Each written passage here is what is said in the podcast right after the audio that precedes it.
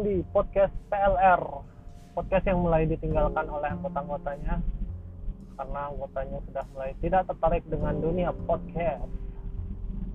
Kali ini monolog sendiri lagi. Uh, kalau setiap monolog itu unscripted ya jadinya. Uh, mungkin akan ada jeda untuk berpikir soalnya saya agak bingung mau ngebahas apa. Ini spontanitas saja karena di jalan juga di jalan lagi sendiri perjalanan. By the way ini tanggal tanggal 2 Oktober 2021 saya mau vaksin untuk dosis pertama. Jadi vaksin ini udah mulai mandatori ya di mana-mana harus menunjukkan sertifikat vaksin.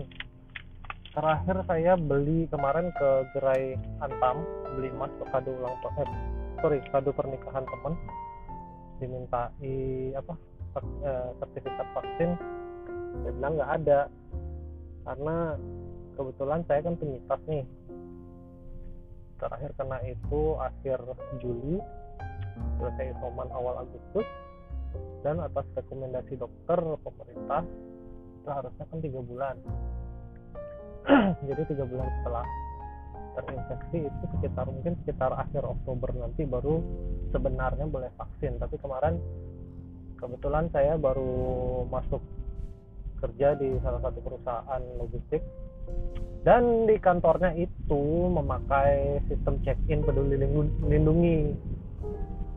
Perlu dilindungi ya. Peduli lindungi perlu dilindungi. Uh, dan di situ karena saya nggak punya sertifikat vaksin uh, aplikasinya bilang saya nggak bisa masuk ke kantor terus uh, setelah saya kasih bukti-bukti bahwa saya penyintas keterangan isolasi mandiri rekomendasi dokter belum boleh divaksin uh, dari pihak security-nya ditanyain juga sama tim satgas dan manajernya dan tetap tidak boleh untuk masuk ke area kantor gitu jadi waktu itu saya hubungin uh, kemarin ya hari Jumat. Itu saya hubungin atasan bilang nggak bisa masuk. Dan akhirnya saya terpaksa harus vaksin sebelum waktu yang direkomendasikan oleh dokter. Jadi mungkin uh, kalau kalau terjadi apa-apa ini mungkin jadi I don't know. Saya sayang sama keluarga saya. Apa sih bisa gitu sih. Jadi ngomong-ngomong ya ngomong-ngomong tentang tentang apa mau tentang vaksin ah basi ya. Nanti aja.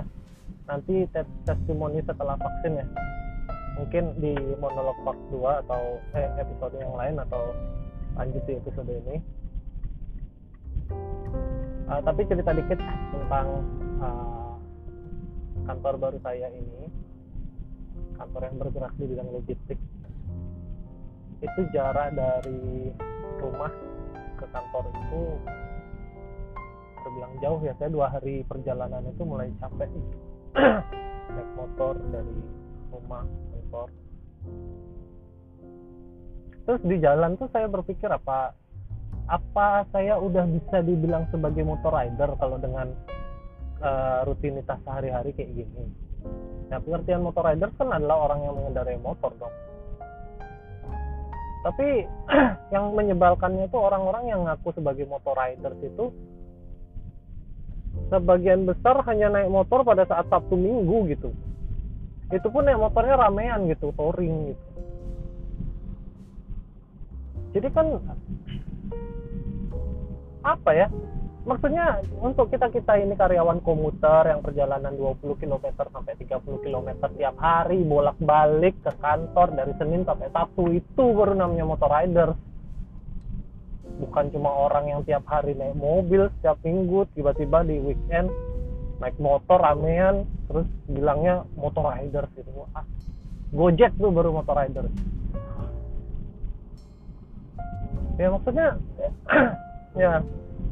Dan kebanyakan ya orang-orang motor riders itu kan mereka berkomunitas ya berkomunitas. Kalau saya pikir orang-orang yang berkomunitas itu cuma orang-orang yang kabur dari keluarganya aja. Orang yang nggak bahagia ada di rumah. Ya maksudnya kalau lu kerja dari Senin sampai Jumat atau Senin sampai Sabtu ya bo ya habiskan weekend dengan keluarga gitu. Ini malah ngumpul-ngumpul anggota komunitas ini ya ini ya. Ini bukti kalau argumen saya benar. Orang yang berkomunitas adalah orang yang nggak bahagia ada di keluarganya.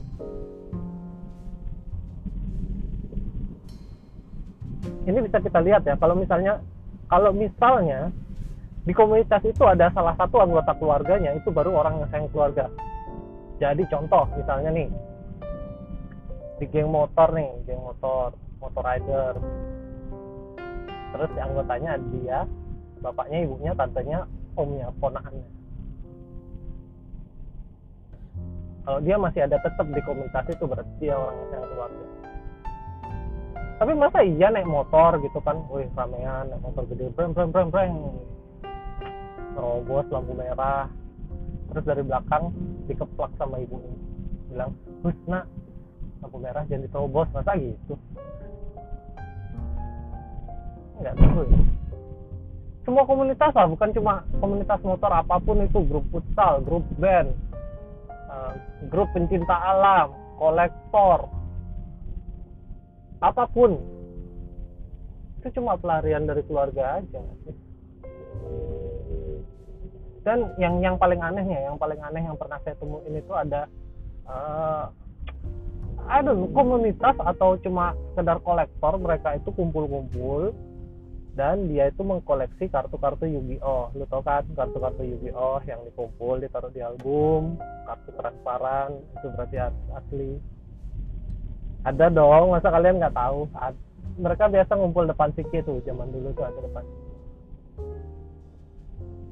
terus uh, tiba-tiba di komunitas kalian lagi seru-seru nih di komunitas di komunitas deket sama cewek main ke rumahnya. Tiba-tiba sampai rumahnya terus bapaknya bilang e, om denger-dengar kamu anggota komunitas kartu Yugi oh ya? Tanding yuk sama om. Menjajak tanding sama bapaknya cewek mana kalah lah kalah kalah mulu lagi. Ya dia ngeluarin Exodia terus soalnya nggak bisa dikalahin. Sebel. Terus pulang-pulang bukannya happy ketemu cewek malah sedih kalah main sama bapak-bapak terus kamu mulai sadar kalau hmm, anggota kolektor kartu yu tuh orang-orang sampah kayak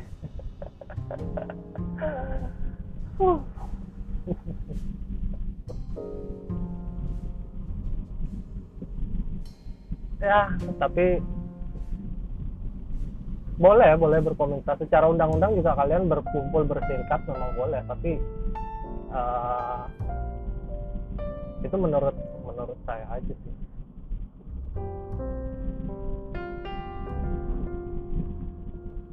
uh, terus balik lagi ke apa namanya ke permasalahan vaksin kan saya perjalanan vaksin. Uh, sebenarnya akses untuk mendapatkan vaksinasi itu gampang di mana-mana ada tapi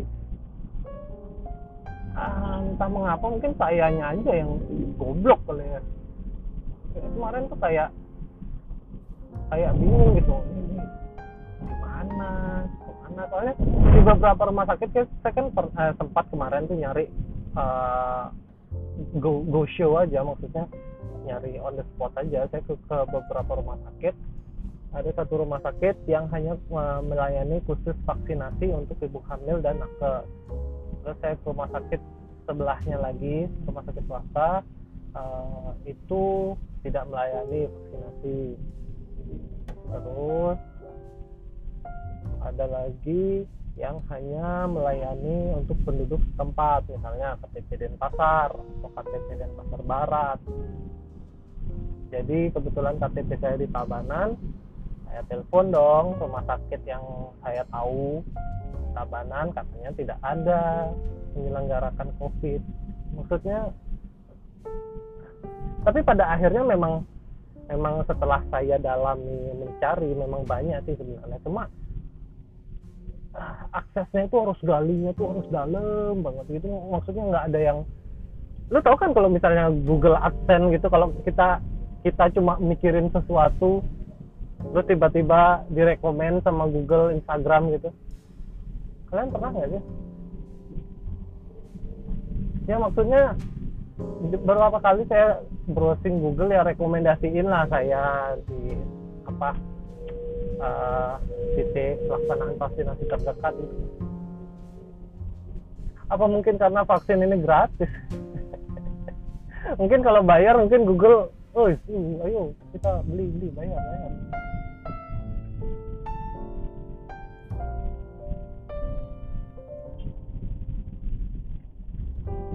Terus ya awalnya saya maunya vaksin Pfizer ya Pfizer eh, sebenarnya alasannya bukan karena uh Pfizer bagus keluaran ini mengandungan ini uh, keberhasilan bapak. Enggak maksudnya nggak sampai situ. Uh, saya jat, jatuhin pilihan awalnya itu ke Pfizer itu karena uh, waktu imunisasi anak kan sebagian besar imunisasinya entah itu apa influenza, campak, hepatitis itu sebagian banyak anak saya itu uh, vaksinnya itu dikeluarin sama Pfizer jadi saya mikir oh untuk anak-anak aja uh, direkomendasinya pakai Pfizer gitu. Jadinya bagus nih kata saya dulu.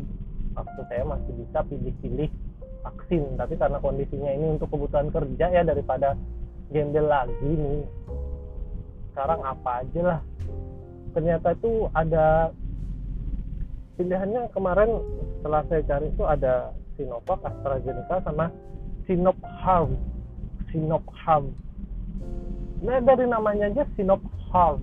Harm itu udah Harm itu apa sih aslinya H A H A R R M. Harm. Harm itu bukannya menyakiti ya nah, dari namanya aja udah serem gitu. Sinop Harm harmful. Apa ya? Kok serem? Uh, tapi kemarin saya direkomendasiin untuk apa namanya?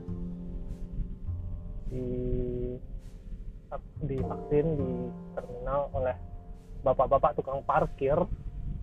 Jadi saya pikir ah tukang parkir aja vaksin masa saya vaksin. Nah maksudnya yang yang lemah itu bukan orang yang divaksin tuh yang orang orang-orang yang nggak mau divaksin itu baru orang lemah kok bisa-bisanya tuh loh dia nggak bisa me menerima kenyataan bahwa ini tuh memang benar-benar pandemi dan ini tuh benar-benar penyakitnya ada. Kok ada gitu orang yang bisa memungkiri hal itu tuh? Gimana men jering aja udah divaksin gitu. Garda terdepan lu tuh udah kalah men. Lu gak punya panglima lagi. Lu tuh hanya cicungu yang tunggu dibantai aja. Pada akhirnya lu akan tetap terbantai men. Udahlah maksudnya nyerah aja. Gabung ke tim yang mayoritas gitu mayoritas. Kemarin ada cerita uh, saudara satu keluarga suami istri anak tiga jalan-jalan ke McD McD nih si bapak belum divaksin tidak boleh masuk. Maksudnya cuma McD loh. McD McD yang bisa drive thru maksudnya untuk tempat yang yang nggak seberapa aja sekarang udah ketat apalagi nanti misalnya misalnya bandara atau uh, ngurus-ngurus surat surat kepolisian maksudnya surat uh, apa SIM TNK ke Samsat atau ke ini. Tapi ya untuk orang-orang yang bermental calu sih santai-santai aja sih karena mereka nggak perlu mereka nggak perlu besar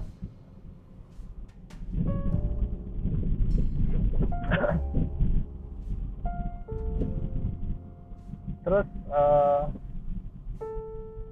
apa lagi ya? Ini selipan jokes garing ya. Kemarin saya ngebahas tentang ada satu bit uh, perkenalan nama. Jadi nama saya itu Hanif Aryan. Banyak yang nggak tahu kalau nama panjang saya itu Hanif Trio Ariantono karena di beberapa di beberapa sosial media itu kebanyakan saya nulis hanya uh, Hanif Aryan aja di Twitter di Instagram. Dan uh, mungkin di beberapa username seperti Line, uh, Telegram, WhatsApp itu hanya Hanif Aryan aja. Uh, jadi suatu saat pernah ada yang tahu kalau nama panjang saya itu Hanif Rio Ariantono. Terus dia tanya kepada saya ini kenapa sih kalau di sosial media tuh kamu makainya namanya Hanif Aryan kenapa nggak pakai Hanif Hanif Rio aja atau Hanif Ariantono kenapa sampai Aryan aja? Kenapa malu ya namamu Jawa gitu? Nama Jawa. Setelah tak cari tahu ya nama Jawa itu adalah nama yang di belakangnya hurufnya O. Kalau di belakang hurufnya A itu nama Bali tapi dibacanya E. Aneh kan nah kalau nama Jawa itu belakangnya U O O. O. U sama O beda ya. Bu Eku Bu Eko. Tunu Tono. Joko Juku beda ya. Nah terus nah terus. Temen nih. Temen nyeletuk ngomong-ngomong nama Jawa ya ada orang Italia tuh namanya namanya nama-namanya Jawa banget. Ini siapa? Wani Pirlo Wani Pirlo ternyata belakangan dia ngasih tahu kalau itu jokesnya siapa yang Mukti Entut atau Firza Falazan sebenarnya udah ketebak sih maksudnya dari premis saya dengan nama Jawa itu adalah nama yang belakangnya. Oh ya paling siapa? Andrea Pirlo tapi mau dibawa aneh nih? Ternyata dibawa ke Wani Pirlo goblok.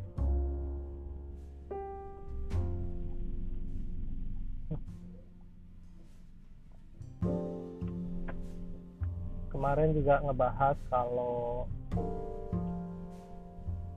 jokes jokes itu subjektif ya. Jokes itu tergantung siapa yang bawain. Dengan jokes sama pun kalau orang yang ngebawainnya beda hasil outputnya dari penonton itu juga bakal beda. Contohnya misalnya jokes. Ya jokes garing lah. Misalnya nih kalau misalnya ada gigs di perusahaan besar terus tiba-tiba saya maju gitu. Terus saya bawa jokes kayak uh, kalian tahu saya tuh punya bank sendiri ya? Kalau kalian uh, mau nab mau nabung bisa. Tapi bank saya itu namanya Power Bank. Power Bank mungkin mungkin pada saat itu orang nggak ketawa ya tapi ketika jokes yang sama dibawain sama atasan atau pimpinan dari perusahaan tersebut pasti banyak yang ketawa gitu. Maksudnya itu kelihatan lah kalau misalnya jokes itu subjektif tergantung siapa yang bawain. Jadi walaupun jokes lu ditulisin sama Kevin Hart atau sama siapa sama Jim Carrey kalau yang bawain lu sih ya tetap gak lucu.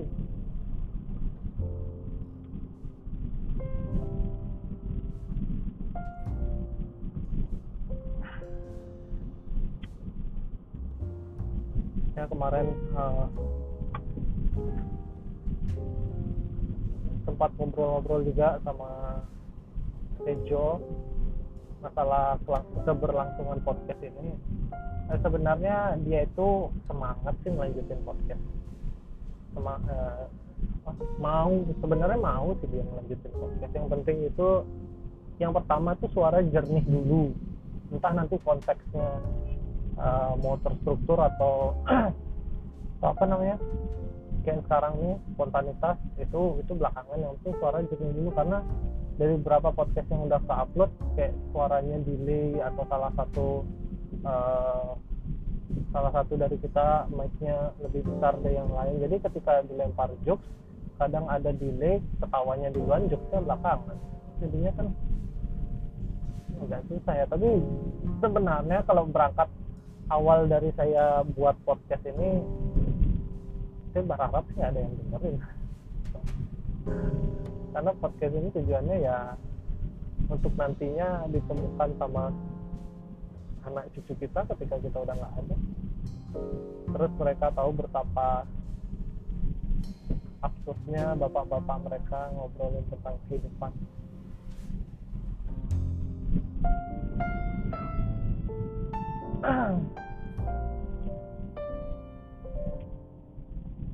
Terus eh, tadi waktu saya cari-cari tempat vaksin ada yang mengejutkan bahwa sekarang mall level 21 sudah menjadi tempat vaksin dan tempat perbelanjaan lagi. Masih sih orang belanja itu tapi sekarang lagi dipergunakan tempat orang-orang vaksin. Bagus maksudnya. Tapi gimana ya orang mau vaksin pertama masuk mall untuk vaksin tapi di security nggak boleh masuk karena belum vaksin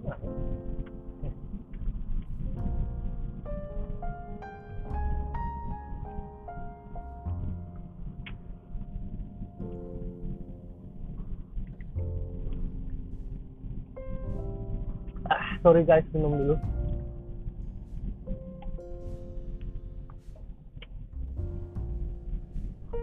Ah. Baru dibahas tadi ada orang sepedaan komunitas sepeda. Ya maksudnya kalau misalnya sepeda nih ya sepeda. Sepeda nih. Kalau dalihnya mereka kan olahraga biar sehat biar kuat stamina. Ya itu cuma alasan men. Lu, lu tuh pengen keluar rumah pengen kabur dari keluarga. Kalaupun lu ya mau sehat lu bisa beli sepeda harganya puluhan juta mending lu beli sepeda-sepedaan treadmill itu nggak sih di rumah? Ya sama. Sama aja kalau lu mau sehat tuh sama aja. Lu cuma pengen nyari pemandangan di luar kabur dari keluarga. Ya kan? Ya dong. Masa enggak? Mampu kan lu beli sepeda-sepedaan statis itu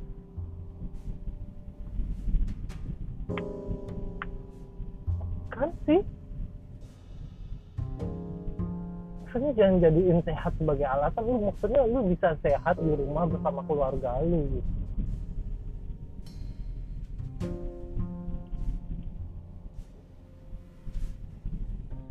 kecuali futsal lu. Futsal tuh baru nggak bisa tuh di rumah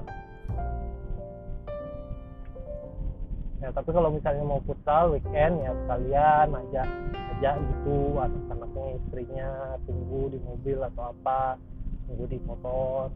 Di, kan ada itu ruang tunggu. Habis itu lu mandi kelar futsal kelar olahraga nih baru lu ajak mereka jalan-jalan. Itu baru sayang keluarga sambil sehat. Saya bisa aja salah. Lu maksudnya kalian bisa berargumen lah. dengan tapi tapi saya saya sih yakin saya benar ya.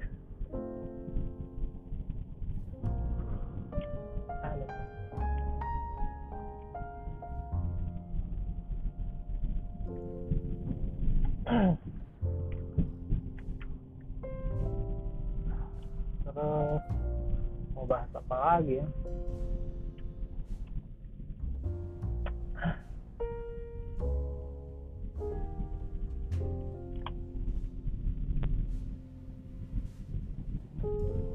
by the way ini 2021 udah tinggal tiga bulan lagi ya. Gimana nih kalian yang yang uh, menulis uh, resolusi-resolusi tahun 2021 ada yang udah ada yang udah checklist belum? Uh, resolusi-resolusi aja tapi rebahan ya mana mana bisa terpenuhi kan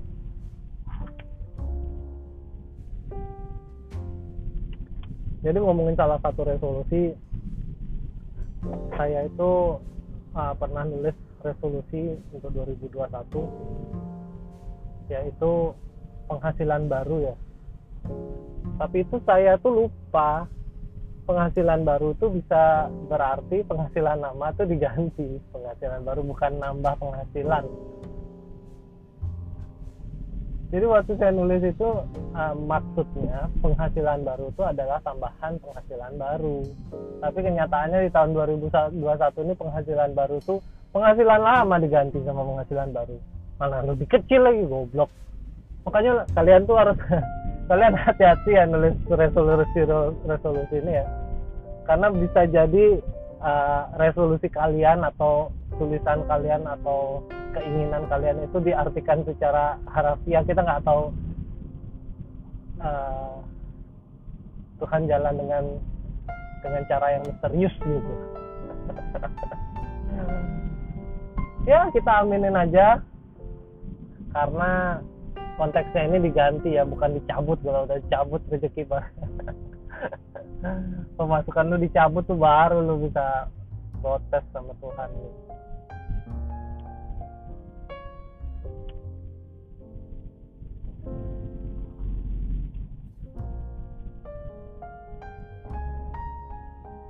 hmm. apalagi ya resolusi. Resolusi 2000 eh, kita buka catatan. Kita aman kok. Ini memang lagi naik mobil tapi kondisi aman stabil. Jadi kita bisa buka. Contekan mana ini bu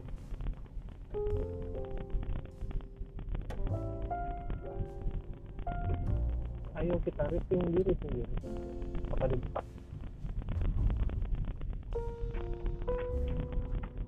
hmm kok tidak ada? Di mana bukunya?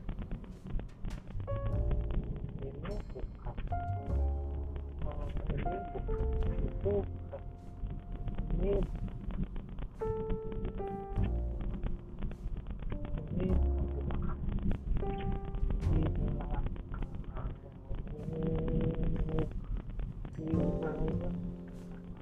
sabar ya guys?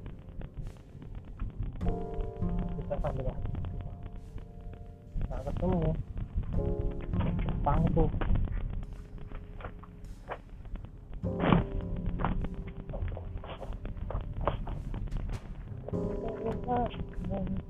Oh, susah susah nyari di dalam-dalam ternyata dulu pak. Oke, okay, kita bacakan resolusi 2021. Ini resolusi 2020 itu dari 15 yang centang cuma 7. Goblok. Kita buka resolusi. Goal to achieve in 2021 satu podcast ini sedang dilaksanain. Ya oke okay lah kita fokus di podcast di podcast. Oke okay lah bisa tentang cek fotografi dan videografi. Lumayan. Jadi di kalau kalian mau cari akun YouTube Hanif Aryan di situ ada beberapa video Anes review. Jadi kita mereview makanan-makanan atas rekomendasi dari Swiss Bali atau makanan-makanan yang biasa kita coba eh, biasa kita lihat di pinggir jalan tapi kita baru pernah coba. Ada di situ terus ada seri terbaru Our Weekend ceritanya tentang kegiatan-kegiatan kita selama terutama saya dan uh, istri dan anak ya itu uh, waktu liburan gitu ada video dokumenterinya nah di situ ada tuh. Jadi kalian kalau mau yang nonton sekali lagi di channel H A N I F A spasi A R I A N Hanif Aryan oke. Yang ketiga itu reksadana dan saham. Reksadana dan saham ya sudah lumayan walaupun nggak seberapa. Di bawah seribu lah kita naruh di bawah di bawah seribu saham ada beberapa saham. Walaupun kecil ya nggak apa-apa. Namanya juga baru. Reksadana istri sudah masukin juga reksadana pasar uang atau obligasi? Atau reksadana saham. Checklist. Boleh dong dibilang checklist walaupun nggak banyak. Emas. Nah ini. Emas ini ada. Kemarin itu kita kita ada lebih emas. Beberapa beberapa gram. Kayak apa? Lumayan lah untuk bisa lah untuk nyekolahin anak sampai SD mungkin. Ya sampai lulus SD bisa lah. Ngomong dikit aja dulu. Ke masjid. Nah ini kan. Ke masjid ini uh, kemarin uh, waktu sebelum apa namanya PKKMB apa sih? PPKM itu ke masjid itu saya udah lumayan sering lumayan lumayan apa namanya ya ke masjid. Mulai dah udah mulai mulai memberanikan diri dengan protokol kesehatan tentunya tapi mulai ppkm ini kayak agak sedikit ngeri-ngeri juga. Apalagi saya kan sempat jadi eh, jadi ini terinfeksi nih jadinya. Wih serem pak.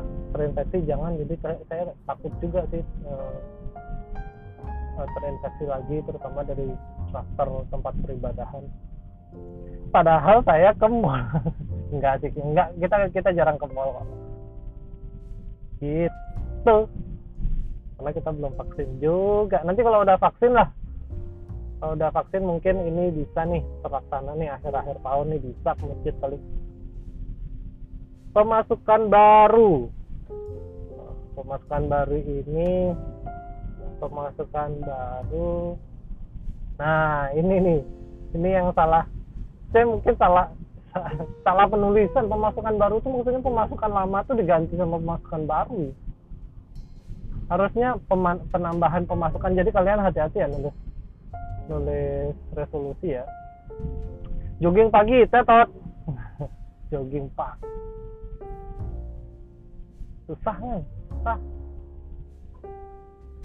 bisa lah. Terus next. Buat buku dokumenter Ibra. Kayaknya nih yang buat istri deh. Iya. Yang bakal mau buat dia sih. Kalau saya lebih ke podcast dan apa dengan YouTube videografi dan lumayan. Lumayan jadi dokumenter sih. Tabungan emergensi terat sebenarnya sih kalau investasi udah ada kita bukan investasi juga sih kita investasi jangka pendek ini ke, uh, sempat kita lagi uh, lagi ini naruh dana di robot.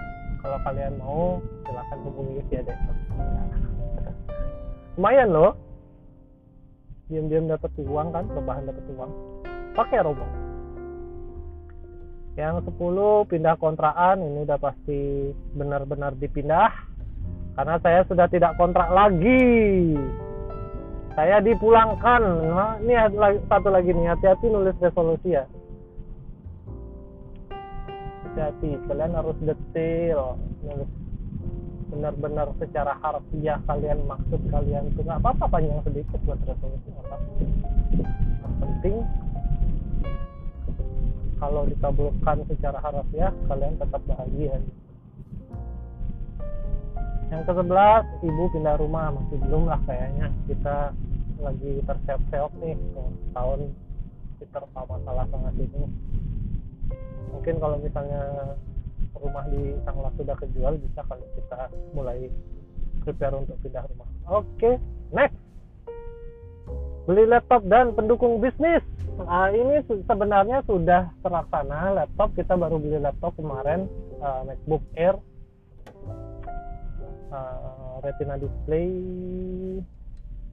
tahun early 2015 itu kita beli secondnya di angka 8 juta.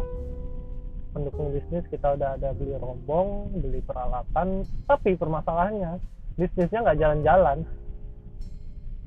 Terutama kemarin PPKM alasan aja sih. Ppkm dan kita modalnya kurang. Memang benar modalnya kurang. Selanjutnya adalah tebus warisan. Nah ini sebenarnya ada beberapa warisan yang dari bokap yang belum belum ketebus nih jadi agak susah juga ya. Ya maksudnya gitu, saya nggak mau bahas sekarang lah.